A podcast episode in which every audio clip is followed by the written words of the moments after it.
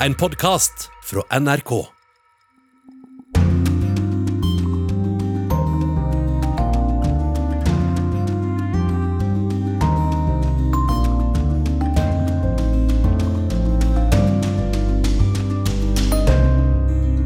Taliban fosser frem i Afghanistan mens regjeringshæren rakner. Betyr det at Taliban igjen får regjeringsmakten? For 60 år siden startet byggingen av Berlinmuren. Det er mandag ettermiddag, og jeg står nå ved Brandenburger Tor, dette symbolet på grensa mellom to ulike værer. Hviterusslands opposisjonsleder har vært i Norge denne uken. Hun håper på enda sterkere innsats fra det internasjonale samfunnet. Og prins Andrew er saksøkt for sextrakassering, men det virker som han har fullstendig hukommelsestap. The allegations came out originally. I went, well, that's a bit strange. I don't remember this. And then I've been through it and through it and through it over and over and over again. And no, nothing. Og Gry Blekastad Almås er en pasjonert bærplukker og elsker sitt korrespondentområde, som hun første gang besøkte som elleveåring. Og dermed er vi i gang med Urix på lørdag. Jeg heter Anette Groth. I Afghanistan må vi nesten starte, det er den store utenrikssaken eh, for tiden. Og i hovedstaden Kabul så evakueres nå utlendinger, mens Taliban rykker stadig nærmere. Islamistgruppen har slått leir bare 50 km fra hovedstaden. Mange afghanere frykter at Talibans fremmarsj vil medføre mindre ytringsfrihet og mer vold, særlig mot kvinner. Men Zakir Jalali, som er universitetslærer i Kabul, han mener afghanske kvinner ikke har grunn til å frykte Taliban. Til oss sier han at mange i Afghanistan er lei den korrupte regjeringen, som ikke har klart å finne en politisk løsning på konflikten. Derfor har de sympati for Taliban.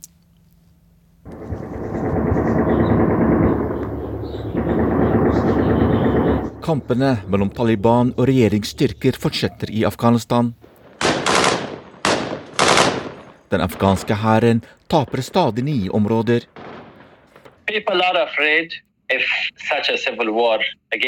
Folk frykter at det skal bryte ut en ny borgerkrig.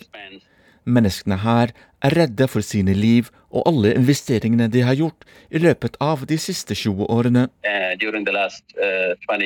Det forteller Zakir Jalali. Han er universitetslærer i byen Kabul, på telefon til NRK. NRK ringer Talibans talsmann i Qatar. Salam alaikum. Sohail Shahin er også medlem av Talibans delegasjon, som i flere år forhandlet med regjeringen om en politisk løsning i Afghanistan. Shahin mener at de siste militære aktivitetene er kun for å presse regjeringen til forhandlingsbordet. The military takeover is not our policy, but only when they announced the Kabul administration a military operation against En militær overtagelse er ikke vår intensjon. Vi reagerte etter at regjeringshæren angrep våre områder. Men vi har ikke endret vår politikk. Vi vil ikke bruke militær makt fremfor politiske forhandlinger, forteller Shahin på telefon fra Qatar. Men kampene har allerede skremt mange i Afghanistan. I hovedstaden Kabul har folk begynt å forlate byen. Folk med penger reiser til Dubai, Tyrkia eller Pakistan. Det er enkelt for dem å dra, forteller universitetslærer Jalali. Samtidig mener han at mange afghanere er lei den sittende regjeringen. Derfor ønsker mange Taliban velkommen tilbake. mostly uh, or, uh, or third position internationally in the corruption uh, and Transparency International reports. Denne regjeringen er en av de mest korrupte regjeringene i verden. Jeg tror korrupsjon er en viktig grunn for at folk har sympati for Taliban. I think corruption is one of the most important reason why people they have a sort of soft corner uh, to the Taliban. Derfor rykker Taliban raskt frem i områder tradisjonelt ikke hadde kontroll tidligere, særlig i nordområdene, forteller Jalali.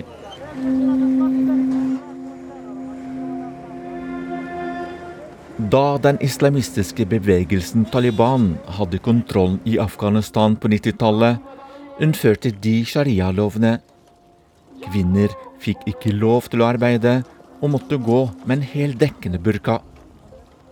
Alle former for underholdning samt TV, musikk og sport var forbudt. Kvinner risikerte å bli steinet til døden hvis de hadde sex utenfor ekteskapet. Men Jelali mener at afghanske kvinner ikke har grunn til å frykte Taliban. Afghan women, the, the, uh, it, it uh, regarding the regarding the Taliban. Generelt er afghanske kvinner ikke bekymret for Taliban. Men kvinner som bærer vestlige verdier, har de grunn til å være redde. Taliban, speaking, say uh, give uh. Taliban sier at de vil gi kvinner muligheter til å jobbe og studere i henhold til sharia-lovene. There may be certain uh, restrictions uh, uh, by the Taliban. Situation will not remain as we have now. Situasjonen vil ikke bli som vi har det i dag. Og reporter her var Mohammed Alayoubi. Kollega Eirik Veum, du har vært flere ganger i Afghanistan, senest nå i sommer. Og nå hører vi denne universitetslæreren i Kabul si at det vil bli bedre denne gangen. Det sier han også om et eventuelt nytt Taliban-styre. Men folk flykter jo i titusenvis, så det er kanskje ikke så mange som tror det? Ja, de som flykter nå er jo den delen av befolkningen som har, har råd til det og, og, har mulighet til det. Det vi, det vi, ser er jo at dette som tas opp her med korrupsjon, har jo vært et, et stort problem i Afghanistan under det regimet som er her nå. Og det har jo vært så ille at enkelte land, som Norge, har holdt tilbake bistandsmidler fordi myndighetsapparatet har vært så gjennomkorrupt. Og Det har selvfølgelig befolkningen fått med seg, og motstand mot regimet har økt. I Afghanistan så er de aller fleste forholdsvis lutfattige. De eier nesten ingenting. Kanskje de har en mobiltelefon i lomma, eller så lever de som de gjorde for 200 år siden. Og det er klart at Motstanden gjennom årene har, har økt. Dette har vi også sett i andre land, Syria, Irak, Mali. At når en befolkning får en følelse av at de som skal styre dem og ta seg av dem, ikke bryr seg, så velger de et annet alternativ når det dukker opp. Og det er jo muligens det vi ser i Afghanistan nå. Han sier jo at han tror kvinnene vil få bedre kår denne gangen, men det er jo litt vanskelig å tro når man husker hvordan det var for kvinner sist Taliban regjerte. Ja, det er mange som selvfølgelig tenker på det nå. og Jeg husker veldig godt et bilde som ble tatt en gang på 90-tallet, da Taliban eh, hadde makten i Afghanistan. og det, viste, det, viser en ung kvinne. Hun sitter på, på, på huk. Det kan hende det var en liten jente. Eh, bak henne så står en voksen mann og peker mot hodet hennes med et uh, gevær. Og Bildet ble jo tatt noen sekunder før denne jenta da ble, ble, skutt i hodet. Og hun var dømt til døden for et eller annet. Og som Mohammed snakket om her, så kan det ha vært en bagatell som, som at hun hadde hatt uh, seksuelt samkvem før hun ble gift, eller vært utro etter at hun ble gift. Et eller annet sånt. Så kvinnene hadde det jo spesielt vanskelig under det forrige Taliban-regimet. Vi hørte jo om denne burkaen. altså Det ble jo selve symbolet der, der, kvinner skulle gå rundt uh, og ikke synes. og kvinne, Kvinneformene var noe som man ikke skulle uh, forholde seg til. Og um, Kvinnene i Taliban-regimet som det fungerte sist, var jo nærmest uh, slaver. De fikk ikke gå noe sted alene, de måtte alltid ha følge av en mannlig slektning. De skulle jo heller ikke få utdannelse, ikke jobb. Um, det var jo også forbudt når de var ute og gikk i, i gatene, å bruke sko som lagde lyd. Kvinnehelse var jo ekstremt tabubelagt. Det var jo så ekstremt at kvinner fikk ikke komme på sykehus fordi en mann kunne se dem uten burka. Så det er jo ikke rart at eh, mange nå er ekstremt bekymret, og ikke minst redde for hva som kommer nå. Du, Nå ser vi en krig der det går utrolig fort. Taliban rykker jo frem med stormskritt, mens det virker som om regjeringshæren bare rakner. Hvordan kunne det skje? Ja, det er flere årsaker til det, men én forklaring er nok at Taliban var mye sterkere enn det mange var klar over. De har jo da over flere år nå hatt kontroll ute på den afghanske landsbygda eh, i store områder. Der har de fått bygge seg opp. De har fått etablert forsyningslinjer, depoter, sanitetstjenester og det man trenger for å gjennomføre såpass store, avanserte militæroperasjoner som vi, eh, vi ser nå. Eh, fortsatt er det jo slik at den afghanske regjeringshæren er jo nesten fire ganger så stor som Taliban, som greier kanskje å stille 100 000 mann. Den afghanske hæren var jo på mellom ja, 350 og 370 000 soldater. Men det vi ser er jo at Taliban har valgt seg en militær strategi som er vellykket, i form av såkalte lynangrep. Og bak det ligger det mye militær kunnskap. Og så ser vi at vi får også støtte utenfra, særlig i Pakistan, men også fra, fra land som Turkmenistan, Tadsjikistan, Usbekistan, hvor det kommer krigere og utstyr. Så Taliban er en sterk militær bevegelse som den afghanske hæren så langt ikke har hatt mulighet til å stå imot.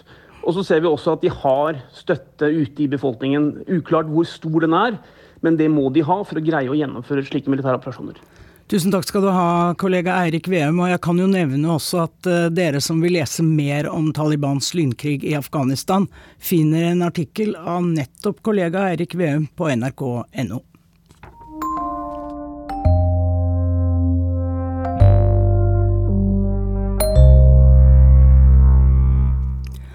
Den hviterussiske opposisjonslederen Svetlana Tikhanovskaja har vært i Norge denne uken. Hun ber om fortsatt støtte til opposisjonens kamp mot diktatorpresidenten Aleksandr Lukasjenko og hans regime. Tikhanovskaja var kandidat i presidentvalget i Hviterussland i 2020, som offisielt ble vunnet av president Lukasjenko. Nå bor hun i eksil i Litauen, og her i Norge ba hun om mer støtte til den hviterussiske opposisjonen. During my meetings here in Norway, in the EU and United States of America, I call on the uh, international community to adopt stronger coordinated sanctions. Uh, and we understand that sanctions is not silver bullet. They will not bring us to democratic changes, but they for sure could change uh, regime. Vi ber om sterkere og mer samordnete sanksjoner mot regimet i Hviterussland, sier opposisjonsleder Svetlana Tikhanovskaja. Vi forstår at sanksjoner ikke er nok, men likevel tror vi at dette kan føre til at regimet føler seg presset til å stoppe volden, løslate politiske fanger og starte dialog med opposisjonen, sier Tikhanovskaja. I'm really glad that this, you know, despite uh, the situation in Belarus uh, is awful from the side of the regime, people are inspired, and I really see, looking back uh, to the past year, that Belarus unites. Til tross for at situasjonen er forferdelig i Hviterussland nå, er jeg glad for engasjementet vi ser. Situasjonen har ført land sammen, har forent ulike grupper og mennesker. Vi ser at vi hviterussere selv kan presse frem demokratiske forandringer. Samtidig håper vi at demokratiske land kan hjelpe oss, for det å stå opp for demokrati og rettferdighet, det er ikke å blande seg inn i Hviterusslands indre anliggender. Men Hviterussland har en mektig nabo, Putins Russland, som holder sin hånd over president Aleksandr Lukasjenko. Of course, we understand that Russia will always be our neighbor, and we are not looking for enemies. We are looking for allies. And uh, though uh, Kremlin is supporting Lukashenko, it shouldn't stop so many other countries Vi forstår at Russland alltid vil være vår nabo, og vi ser ikke etter fiender. Vi søker allierte. Og det at Russland støtter regimet i Hviterussland, stopper ikke oss for så mange andre land er på vår side. De står sammen med oss i kampen for menneskerettigheter, lovlydighet og rettferdighet i landet vårt. Dette skal ikke være en kamp mellom øst og vest, men mot diktatur. Så snart alle skjønner at vi ikke er en del av Russland, blir det mye lettere å stå opp for og stå sammen med oss. As soon as we change this understanding of the situation that we are not part of Russia, you know, it, it will be much easier to uh, stand with us. Svetlana Tikhanovskaja, opposisjonsleder i Hviterussland, og hit til meg har du kommet, Ane Tusvik Bonde. Human Rights House Foundation, menneskerettighetsforkjemper med spesiell kunnskap om Hviterussland. Og Tikhanovskaja hun er jo altså opposisjonsleder. Er hun den viktigste motstanderen til Aleksandr Lukasjenko? Ja, jeg tenker at uh, Aleksandr Lukasjenkos største feil var at han ikke så henne som en reell motstander. Uh, nettopp fordi hun var kvinne, uh, og han mente at landet ikke kunne styres av en kvinne. Så han lot henne derfor få lov til å stille til valget, etter at han hadde arrestert de han mente var de eh, viktigste motspillerne. Så hun eh, stilte til valg etter at eh, hennes mann, som var en populær blogger, ble fengslet.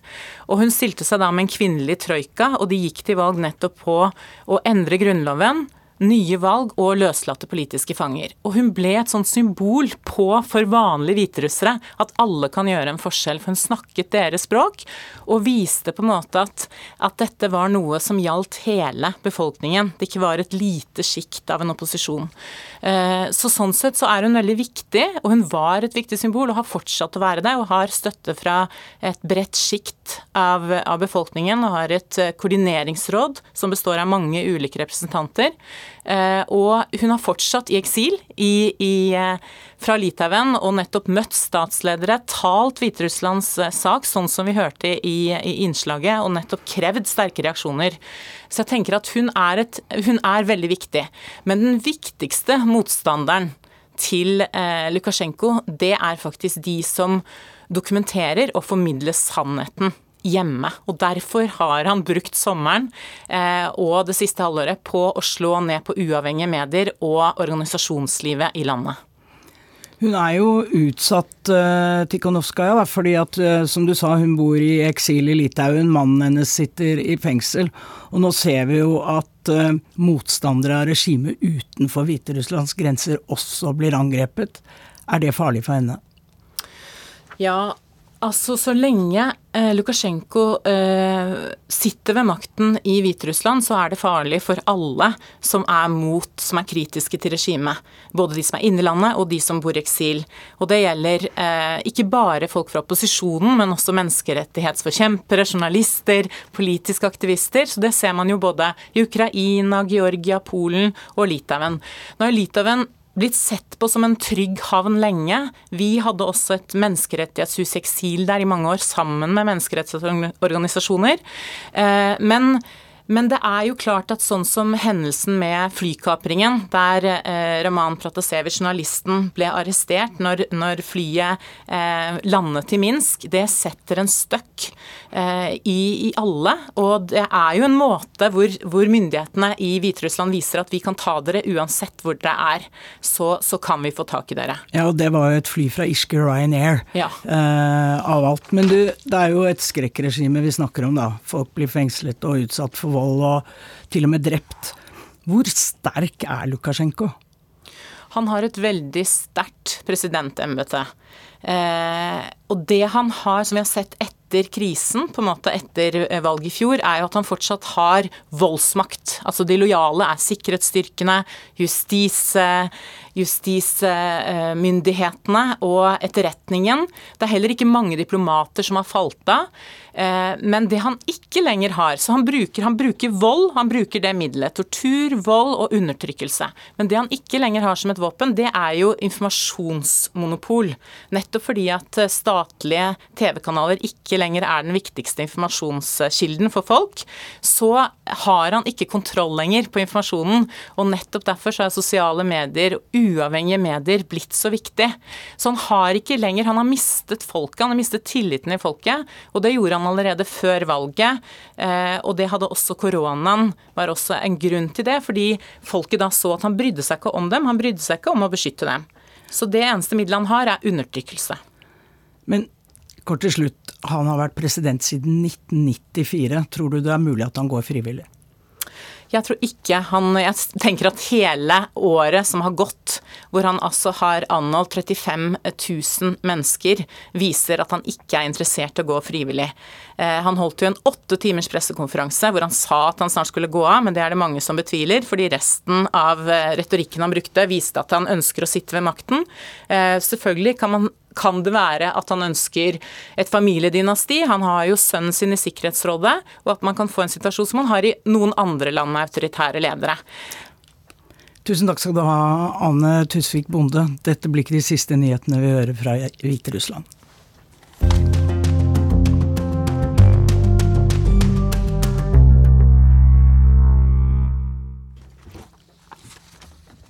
Skammens mur ble den kalt, eh, og var det aller mest synlige symbolet på den kalde krigen.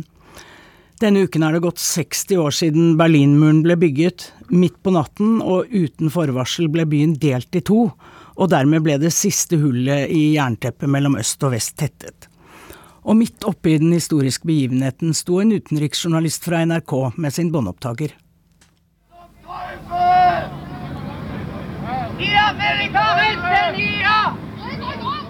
Stedet er Unter den Linden i Berlin, og datoen er 14. august i 1961. Så da er det faktisk 60 år siden i dag at denne reportasjen ble sendt på NRK radio. Det er mandag ettermiddag, og jeg står nå ved Brandenburger Tor, dette symbolet på grensa mellom to ulike værer.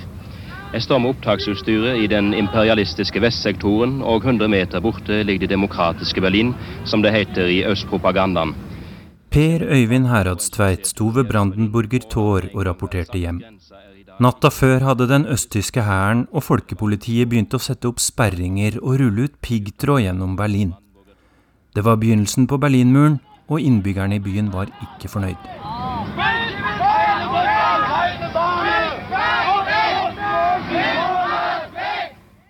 The East German police they started to lay down barbed wire They closed all doors of the houses using concrete, the windows as well as the doors. And later on, they started also to demolish houses. Først rulla politiet ut piggtråd, så begynte de å mure igjen dører og vinduer på hus, og etter hvert begynte de også å rive husene.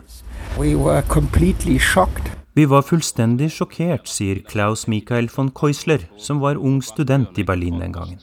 Det minner i uhyggelig grad om krigen. En ung mann blir stoppa og viser legitimasjonspapirer. Hvor vil de, og hvorfor er de her nå midt på formiddagen, spør politimannen. Den unge mannen retter på ransen og forklarer at han bare har vært hos tannlegen og er på vei hjem. Det hviler sterk mistanke på alle unge menn i ransel, forteller han meg. Men jeg har ingen planer om å flykte, legger han til. Far min er storkommunist og var aktivt med i kampen mot opprøret 1953. Det hele er latterlig, legger 17-åringen til. Vi må føre samtalen nesten kviskrende, for på alle kanter kryr det folkepolitimenn. Da andre verdenskrig tok slutt i 1945, ble Berlin delt i fire soner. Men i åra som hadde gått etterpå, hadde tre millioner mennesker flykta fra øst til vest. Muren kom på ordre fra lederne i 1961 for å hindre at det kommunistiske Øst-Tyskland rett og slett ble tømt for folk. Up, room, set, eyes, I was, I was. Jeg våkna av at mora mi satt klistra til fjernsynsapparatet med tårer i øya. Jeg trodde tredje verdenskrig hadde begynt, forteller Margaret Beran til BBC World. Hun var ni år gammel skolejente i 1961. For østtyskere som henne hadde Berlin alltid vært en utvei om livet ble for ille. I realized that something really, really terrible must have happened. My mother told me, Margaret, they close Berlin. You know, my father had always told her, if the worst comes to the worst, we've still got Berlin, and then we go via Berlin. And now it was gone.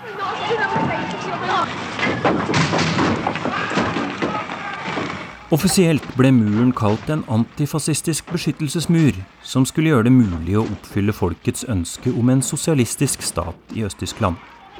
Men filmbilder i svart-hvitt av folk som klippa hull i piggtrådgjerdet for å krype gjennom, eller hoppa fra vinduer på grensa, gjorde propagandaen vanskelig å tro på. These escapees uh, were always applauded. People tried by using ladders vi i vest gjorde hva vi kunne for å hjelpe dem i øst i de dagene.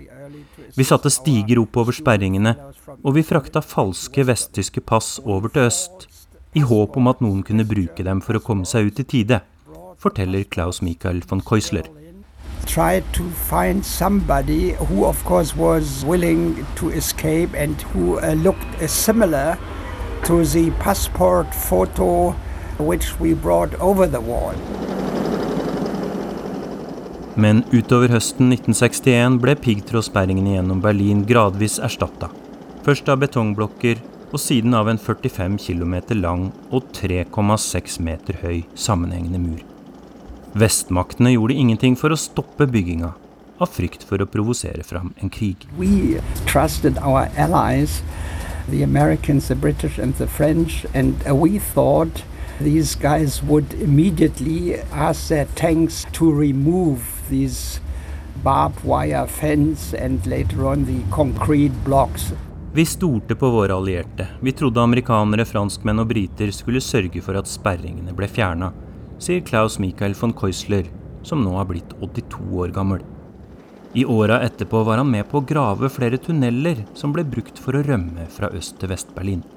Og Berlinmuren, sjølve symbolet på den kalde krigen, ble stående i 28 år. Ja, den ble revet i 1989. Reporter her var Tore Moland.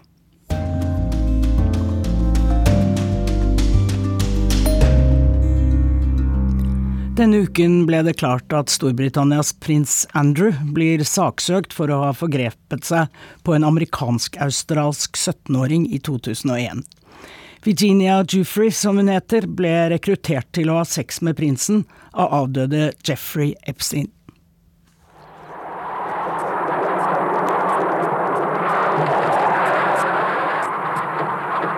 Et avgjørende slag under den ti uker lange Falklandskrigen mellom Storbritannia og Argentina i 1982. Britene vant krigen etter at Argentina forsøkte å ta kontrollen over Falklandsøyene og andre britiske øyer i Sør-Atlanteren. Og denne krigen frembrakte en kongelig britisk krigshelt. Helten var helikopterpilot og het prins Andrew. Jeg husker da han kom hjem svingende på uniformsluen og med et smil så bredt at hadde ikke ørene vært der, så hadde smilet gått helt rundt. Det har vært en svart uke for oss som lenge hadde et godt øye til denne britiske prinsen. Dronningens yndlingssønn, blir det sagt. En jentefut, ja vel, Kåte-Andy, Randy Andy ble han kalt, men ikke desto mindre en kjekk fyr som britene likte. Og så traff han jo Fergie.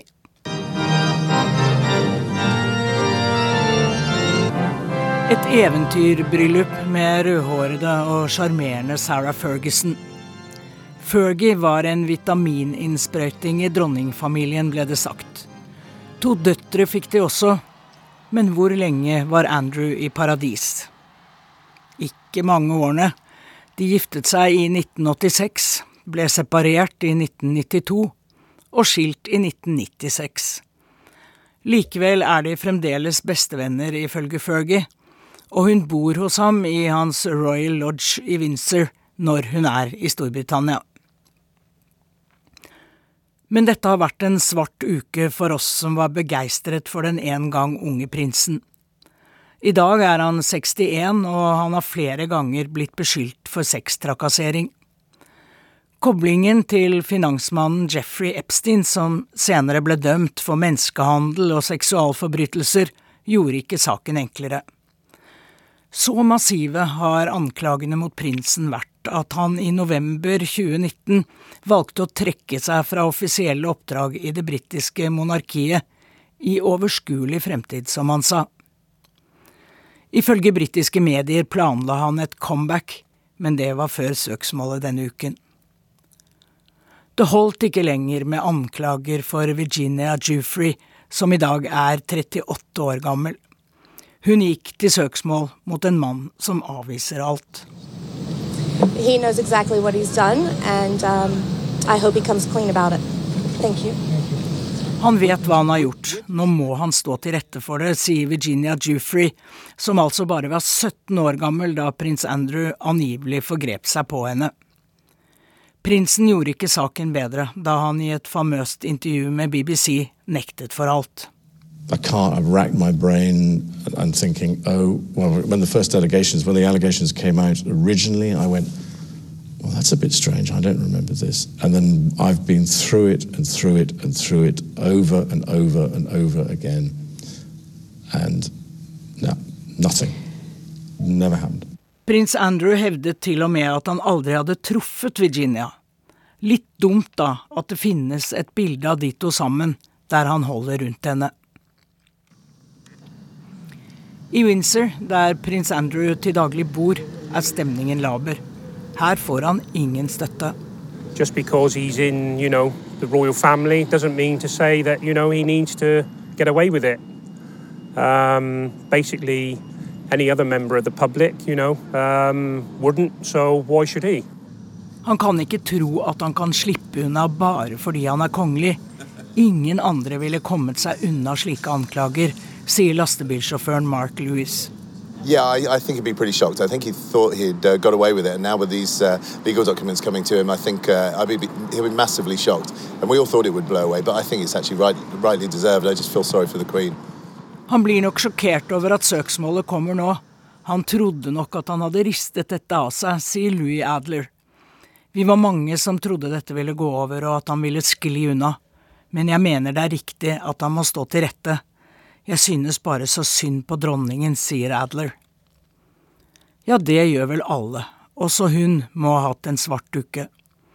Og det første yndlingssønnen Andrew gjorde da søksmålet kom, var å ta med seg ekskonen Fergie og dra til mamma, som er på Balmoral-slottet i Skottland.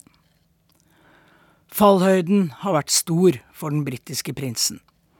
Og siste dolkestøt kommer fra hans egen bror, ifølge The Times. Andrew kommer aldri tilbake til et liv i offentligheten etter dette, sier prins Charles.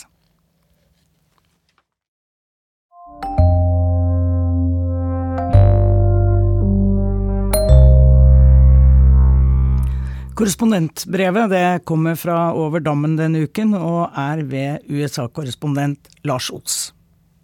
Den amerikanske individualismen er ofte fascinerende å være vitne til spesielt for en eh, bygdegutt fra Nord-Østerdalen.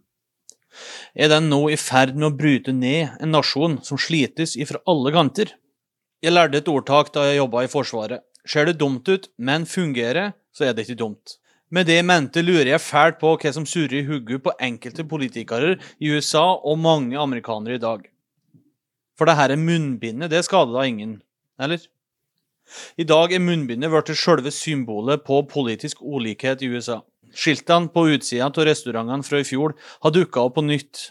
Vennligst bruk munnbind. Men det er lagt til en ny setning, uansett om du er vaksinert eller ikke. Kravet om munnbind kom raskt etter at amerikanske myndigheter fortalte at delta-varianten spres mye lettere og er mye mer smittsom enn tidligere varianter. Sjøl med to sprøytestikk i armen kan en få like mange viruspartikler i kroppen, sier ekspertene. President Joe Biden har tegna et nytt bilde av pandemien i USA. Vi er nå i en pandemi for de ovaksinerte, slo han fast forleden. Mange liberale og flere prominente republikanere trygler det nå. Vaksiner deg. Men fortsatt svarer noen konservative. Gjør opp din egen mening. Kampen imellom dem som mener at viruset må bekjempes med vaksinering og smitteverntiltak, og dem som mener trusselen er overdreven og tiltakene altfor inngripende, kan følges på TV på kveldstid, som i en boksering. I det venstre hjørnet skryter kommentator Don Lemon i CNN og Rachel Maddow i MSNBC hemningsløst av Anthony Fauci, USAs svar på Espen Rostrup Nakstad, og av myndighetenes covid-19-håndtering. Mens i det høyre hjørnet forbanner Fox-kommentatorene Sean Hannity og Laura Ingram seg over kommunismen som blir innført i landet, spesielt i verstingbyen New York.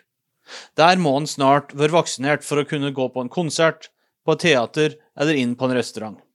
Samtidig, i Sør-Dakota ventes nå 700 000 bikere til verdens største motorsykkeltreff i den lille byen Sturgis. I fjor ble det regna som en supersprederarrangement. Mye tyder på at det samme kan skje i år òg. Jeg kjører Harley Davidson, jeg kan dø når som helst i trafikken. Hvorfor skal jeg gidde å tenke på et simpelt virus som ikke er farligere enn influensa?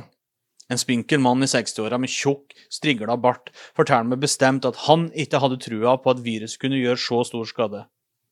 Jeg møtte han og mange andre motorsyklister på den tida i fjor, i en periode da smitta var på vei ned i hele landet. Dør jeg nå, så er det min tur, sa motorsyklisten den gangen. Nå har Sturgis rundt 46% fullvaksinerte innbyggere. Men i Florida, Louisiana, Mississippi og andre delstater i sør hadde aldri vært registrert så mange sykehusinnleggelser som nå, helt siden pandemien starta. Der forteller leger at de nå får inn òg flere yngre pasienter enn tidligere. Hvordan situasjonen skal håndteres, er det stor uenighet om. I Texas vil f.eks. ikke den republikanske guvernøren at skolene skal kreve at alle bruker munnbind. Andre delstater som Arizona, Arkansas, Iowa, Oklahoma og Sør-Carolina har innført eller sier de skal innføre slike krav. Og i kongressbygninga på Capitol Hill i Washington DC blir republikanerne som nekter å bruke dem, trøkken i lønn. Representant Ralph Norman fra Sør-Carolina sagsøkte lederen i huset, demokraten Nancy Pelosi, for det han mente var maktmisbruk. Norman fortalte forresten at han sjøl var blitt smitta av covid-19 forrige torsdag. Floridas guvernør, republikaneren Ron DeSantis, har høylytt uttalt at han vil kjempe mot president Joe Biden. Det må være opp til foreldrene å bestemme om ungene skal bruke munnbind, ikke staten. Vi kan ikke kvele ungene våre heller, sier noen av foreldrene som møter opp på ledermøter ved skolene i videoer lagt ut på sosiale medier. DeSantis regnes som en mulig presidentkandidat om tre år, dersom Donald Trump da ikke stiller. Analytikerne sier at jo oftere han angriper Biden, desto mer øker oppslutninga hans. Han har òg trua skoleledere i delstaten med å trekke lønna deres hvis de går ut og støtter munnbindkravet i skoledistriktene. I sørstatenes store festby New Orleans har legen Mark Elaine Delay vanskeligheter for å se at koronaviruset skal forsvinne fra landet innen kort tid. Jeg møter han for å få svar på hva som ligger bak den lave vaksinasjonsgraden i Louisiana. Det skjer ingen annen utvei enn at hele planeten kollektivt må vaksinere og isolere seg for at vi skal bli trygge. Han tror i hvert fall ikke at USA sjøl kan klare å komme seg ut ifra krisa de nå sitter i. Jeg har gitt opp å overtale dem som er overbevist om at vaksina ikke fungerer, sier Dely. Jeg spurte ei venninne i Jacksonville om hvordan det var i hennes vennekrets. Hun fortalte at flere hun kjenner, ikke vil vaksinere seg fordi at de tror at vaksina vil ta livet av dem om to år. Hun mener grunnen til at folk tror på feilinformasjon, er lav utdanning, liten samfunnsforståelse og religiøs tro, og de har alle til felles at de elsker Donald Trump. Fortsatt er bare halvparten av amerikanere over tolv år vaksinert. I Norge, der snart 70% av befolkninga har fått sitt første sprøytestikk, er vi på vei til å fjerne alle restriksjoner innen september. Hvordan i alle dager skal de klare det samme her? En hyggelig ung resepsjonist hilser meg velkommen på sin særegne sørstatsaksent. Den digre hotellet i Canal Street ved French Quarter i New Orleans er nesten tomt. Han skulle gjerne hatt alle rommene fulle nå. Han sier at ja, det er viruset som fortsatt stopper turistene, sjøl om den høye luftfuktigheten òg er ubehagelig for tida. I ærverdige Bourbon Street kan du nå gå normalt, uten å dulte borti noen. Vanligvis må han gå som sild i tønne der. Resepsjonisten fikk sin første vaksinedose i forrige uke, primært fordi at kjæresten ble syk, men òg fordi at han vil til New York i høst på en festival. Der vil de kreve full vaksinering for omtrent all aktivitet innendørs. Men eh, hvorfor tok du ikke den tidligere, spør jeg. Nei, det var den der usikkerheten, da. Han forteller meg at han var skeptisk, at han ikke følte seg trygg. En nærmest ny vaksine på markedet, uoppprøvd for bare noen måneder siden. Men som legen Delay poengterte under intervjuet gjorde med så langt har over en milliard mennesker i verden blitt vaksinert med ulike typer koronavaksiner. Hadde det vært så farlig som noen amerikanere tror, ville vi visst det nå. AstraZeneca var tross alt stoppa i flere land, og i Norge. Er det rett og slett uvitenhet vaksineskepsisen skyldes, eller er det den amerikanske folkesjelas liberalisme som nå for alvor viser en stor svakhet? I Norge tenker flertallet kollektivt. Vi vaksinerer oss for fellesskapet. I skrivende stund har 87% av befolkninga over 18 fått sin første vaksinedose. I USA står individualismen sterkt, mange er opptatt av å verne om retten til å få bestemme stort og smått i eget liv, uten at myndighetene skal gripe inn. For noen påvirker det òg beslutninga om å la seg vaksinere eller ikke. Vi er lei nå, sa senator Rand Paul nylig, en libertarianer fra Kentucky. Han har vært og er en sterk kritiker til Joe Biden, helsemyndighetene og Anthony Fauci. Denne uka her ble han òg midlertidig sparka ut fra YouTube for å hevde at munnbind av stoff ikke fungerer. De fleste eksperter i USA mener det motsatte. Mark Alain Dely tror amerikanerne må belage seg på å vaske og gjenbruke munnbindene i lang tid fremover. Den utskjelte tøylappen har kommet for å bli, tror han. Det kommer til å bli den nye normalen. Jeg var på språkreise da jeg var 14, og så var jeg på teaterskole da jeg var 19. Og så studerte jeg journalistikk også i Nord-England eh, i begynnelsen av 20-årene. Eh, og, og, utallige ferier. Jeg tror jeg har vært tilbake hvert eneste år omtrent siden. Eh, og de siste årene har det vært mange ganger i året, i året også. Så, men med unntak selvfølgelig av disse pandemiårene. Så nå var det veldig etterlengtet å få lov til å komme tilbake hit.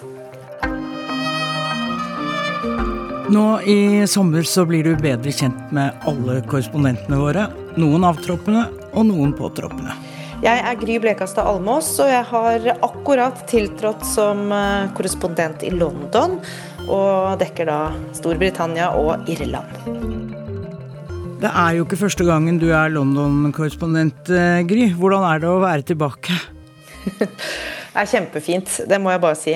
Veldig godt å være tilbake. Og det er jo litt som å komme hjem. Eh, og det er jo litt sånn merkelig. Det er åtte år siden vi reiste herfra eh, forrige gang. Og det sitter liksom samme, samme dama som sitter i kassa på butikken, og vi møter kjentfolk i gaten. og Det er liksom litt stas da, eh, å komme tilbake sånn sett. Men samtidig så er det jo forandringer òg, da. F.eks. den gamle stampuben vår eh, som vi, vi, dro til som en av de første tingene, for det hører liksom med. Den var nå stengt eh, pga. pandemien. Det var jo litt leit. Eh, og jeg merker jo også at det er en spesiell stemning i byen her nå, som jeg ikke har opplevd før, og som selvfølgelig også er knytta til pandemien. Um, gjenåpningen er det tydeligvis veldig mange som setter stor pris på, og såpass stor pris på den at jeg og vi som kommer fra Norge nå føler oss litt sånn utrygge, på en måte. Eh, fordi selv om det er påbudt med munnbind fremdeles på T-banen i London, så er det veldig mange som ikke bruker det, og T-banen er stappfull.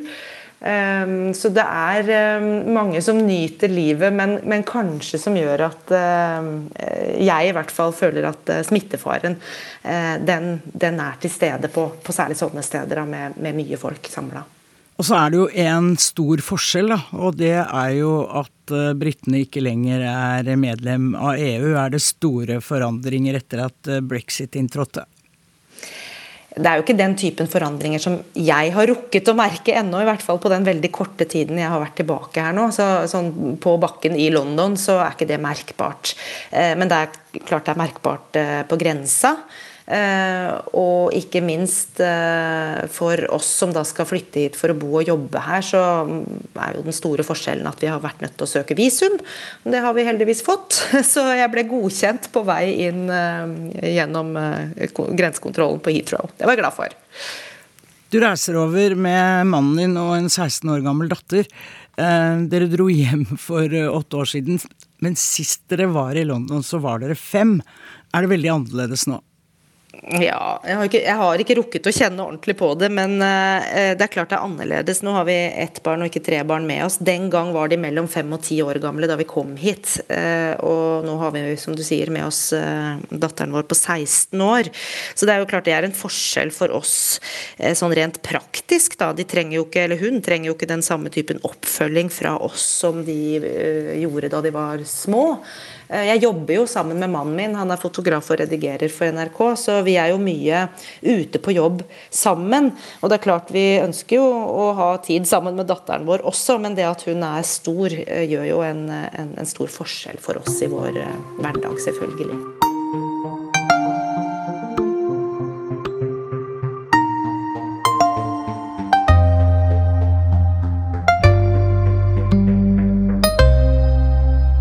Du, når var du første gang på de britiske øyer? Nei, Vi var på ferie da jeg var elleve år, så det var tilbake mm, i 1981. Da var vi på en veldig lang ferie, eh, seks uker. Så jeg fikk jo med meg veldig mye eh, av landet. England, da, først og fremst. Vi var tre uker i en liten landsby rett utenfor London og var da mye inn i London sentrum også. Og fikk med oss liksom det eh, veldig fascinerende urbane, eh, med kontrastene mellom den gamle historien eh, og eh, det veldig moderne. Eh, altså punkerne på Piccadilly Circus og, og Tower of London, liksom. Eh, kontrastene der. Og så var vi mye ut og rundt. Vi var ved kysten, eh, og vi var på kanalbåtferie. Eh, vi var nordover, vi var sørover, vi var på landsbygda, eh, og altså da i byen. Så det var jo starten på en lang kjærlighetshistorie, egentlig, den turen der. Journalistisk sett så Jeg pleier å kalle det området som du dekker for en journalist, journalistisk godtepose, og man må jo dekker veldig mange forskjellige temaer. Fra storpolitikk til fotball til popkultur. Eh, absolutt alt, egentlig. For det er jo en, en allround-jobb, det du har. Absolutt. Det er ikke noe som er for stort og ikke noe som er for lite. Og som du sier, det er liksom alt fra harde nyheter til filmpremierer eller uh, politikk, uh, kuriosa, sport, teater. Det er, uh, nei, det er som du sier, en godtpose, men det er så mange drops i den posen at det er vanskelig å velge. Og jeg tenker at det er en utfordring for meg, for meg nå framover. akkurat det å, å, velge bort noen av dropsene, da. for sånn er jo hverdagen. Man rekker jo ikke over alt man gjerne vil dekke. Eh, jeg husker da jeg ble London-korrespondent, eh, og jeg var for øvrig da første kvinne fra NRK på begynnelsen av 90-tallet, så var det en del menn som eh, sukket litt oppgitt og tenkte å nei, en dame, dette blir dårlig for fotballen. Jeg klarte meg ikke så verst, tror jeg. Men hvordan er det med deg og fotballen? Nei, jeg er veldig fascinert av kulturen rundt spillet. Um, og så kan jeg godt se en fotballkamp og nyte den, men for meg så er det eh, mer alt det rundt som, som fascinerer mest. Den kjærligheten folk har til sin klubb. De emosjonene, altså hvor mye følelser eh, som fotballen klarer å velte opp i folk. eh, og hvordan det utspiller seg eh, på tribunen, på puben eller hjemme hos folk. Da. og hvordan det spiller inn igjen på lokalmiljøer. Eh, og hva fotballen også gjør for eh, lokalmiljøene sine, der hvor klubben er. Hvordan de eh, forholder seg til miljøet rundt. Alt det der syns jeg er kjempefascinerende. Så jeg dekker veldig gjerne fotballen, men jeg gjør kanskje ikke det akkurat sånn som en sportsjournalist ville gjort det, da.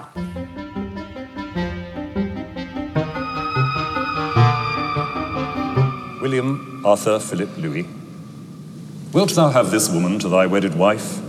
And forsaking all other, keep thee only unto her, so long as ye both shall live?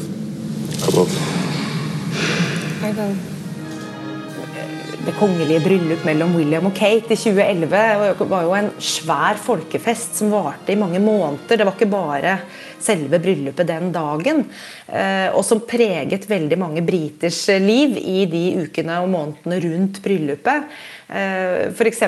så var det jo fest Eh, fester som ble holdt på skoler, og også på skolen der hvor barna våre gikk. Og det var gatefester på ethvert hjørne, eh, og det var liksom et liv i byen.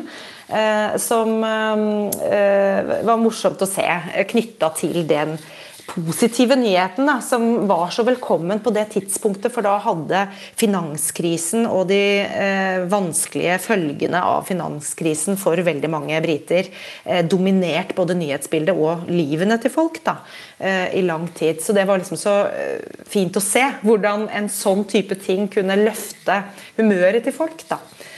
Så det var jo en sak. Eller så er jeg jo øh, fortsatt også øh, opptatt av fattigdommen uh, som er her, og de store, store forskjellene mellom folk. Og det lagde vi jo flere saker på uh, forrige gang jeg var her også. Om hvordan folk kan leve i samme by og nesten side om side, og hvor da noen er så fattige at de ikke vet hvordan de skal kunne betale regningene sine eller få eh, penger til å kjøpe seg mat til det neste måltidet. Eh, mens eh, verdens rikeste eh, kan bo like ved å ha denne byen som sin lekeplass. Eh, det er, eh, det er, nesten ufattelig, da, tror jeg, for veldig mange hvor store de forskjellene her faktisk er. Og ikke bare i byen London, altså, men i hele Storbritannia. Du nevnte eh, bryllupet til William og Kate og dronning Elisabeth og familien fascinerer jo alltid, og derfra kommer både, eller for dem, så kommer det både gode og dårlige nyheter. Men eh, dronninghuset, det er en utømmelig kilde for en London-korrespondent. ja da. Nå har det jo vært søksmålet mot prins Andrew som har eh, dominert akkurat den delen av uh, nyhetsbildet her eh, i det siste.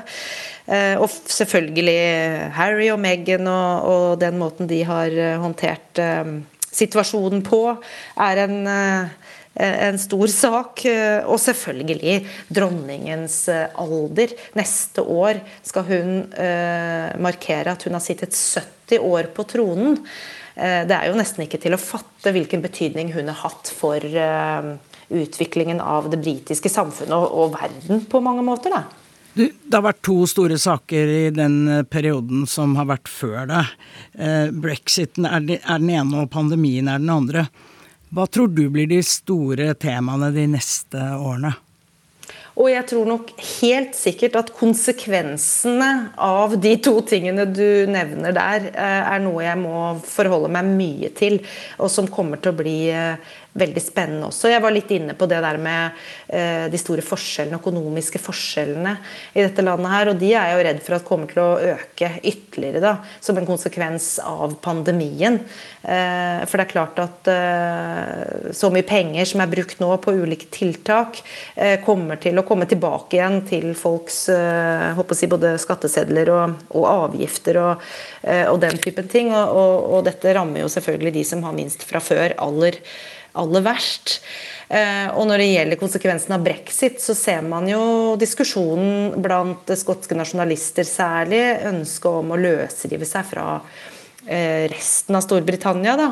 Eh, og også den nordirske misnøyen med grensekontrollene der kan jo potensielt bidra til en diskusjon rundt oppløsning av hele den britiske unionen. Så det er ganske store konsekvenser der som kan komme. Storbritannia er jo altså området ditt, men det er også Irland. Og hvilket eh, forhold har du til Irland? Og jeg elsker Irland, det må jeg bare si. Jeg syns det er en utrolig vakker øy.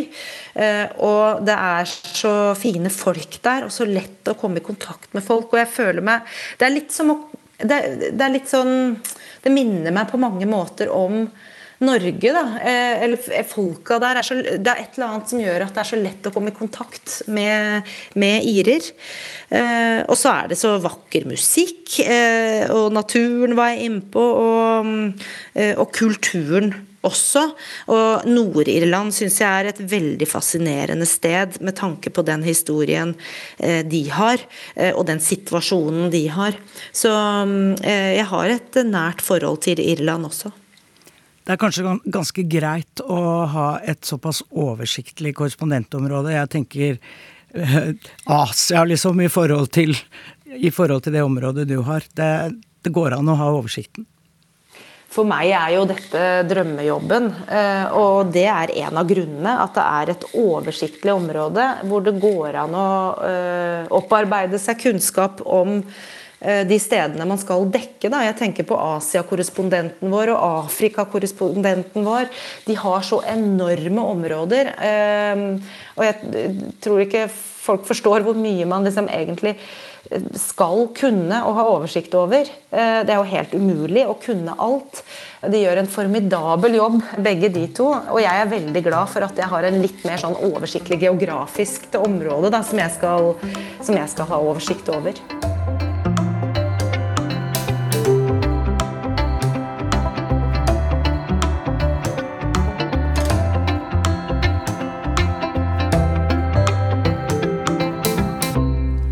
Du, nå er du nettopp uh, ferdig med sommerferien. Hvor er ditt drømmeferiested?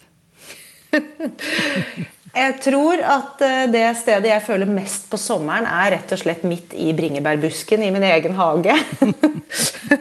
Det er ikke noe jeg forbinder mer med sommer enn å kunne gå eh, innom busken hver gang jeg kommer hjem, om det er fra jobb eller om det er fordi jeg har hatt fri. Det spiller for så vidt ingen rolle, men bare å plukke meg mine egne bringebær. Og det er liksom virkelig sånn smaken av sommer. Eh, og i år har jeg vært så heldig å være veldig mye hjemme i Oslo før jeg reiste hit til London. Eh, og fått med meg hele bringebærsesongen. Fra liksom første modne bær til de fleste i hvert fall var råtne på busken. Og da råtner de på busk rett og slett fordi vi har så ekstremt mange bringebærbusker. Vi har plukka og fylt opp fryseren, og vi har gått og spist hver eneste dag. Og likevel er det bær igjen, og det er himmel for meg, altså. Ja, du liker åpenbart å plukke bringebær, i motsetning til meg som er en elendig bærplukker. Men hva liker du ellers å gjøre når du har fri? Nei, jeg, jeg, er vel ganske enkel, egentlig. Jeg liker å gå eller løpe meg en tur. Jeg liker å se britisk krim på TV. Jeg vil veldig gjerne bruke tid sammen med venner og familie. Um, og har jeg tid, uh, så leser jeg gjerne en god bok. Uh, og det skjer jo ofte i ferien, da, for det er da man har mest tid til sånt. Og så elsker jeg å utforske nye uh, steder. Og det gjør jeg jo ofte også i, i ferien. da, ikke sant? Reiser til steder som, som er nye og spennende.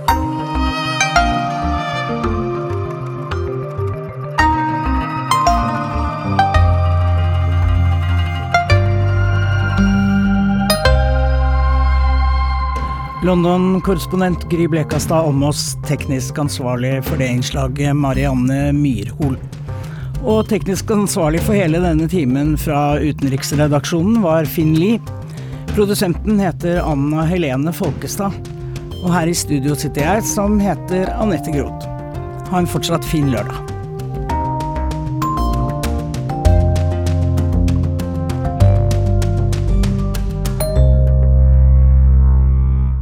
Du har hørt en podkast fra NRK. Hør flere podkaster og din favorittkanal i appen NRK Radio.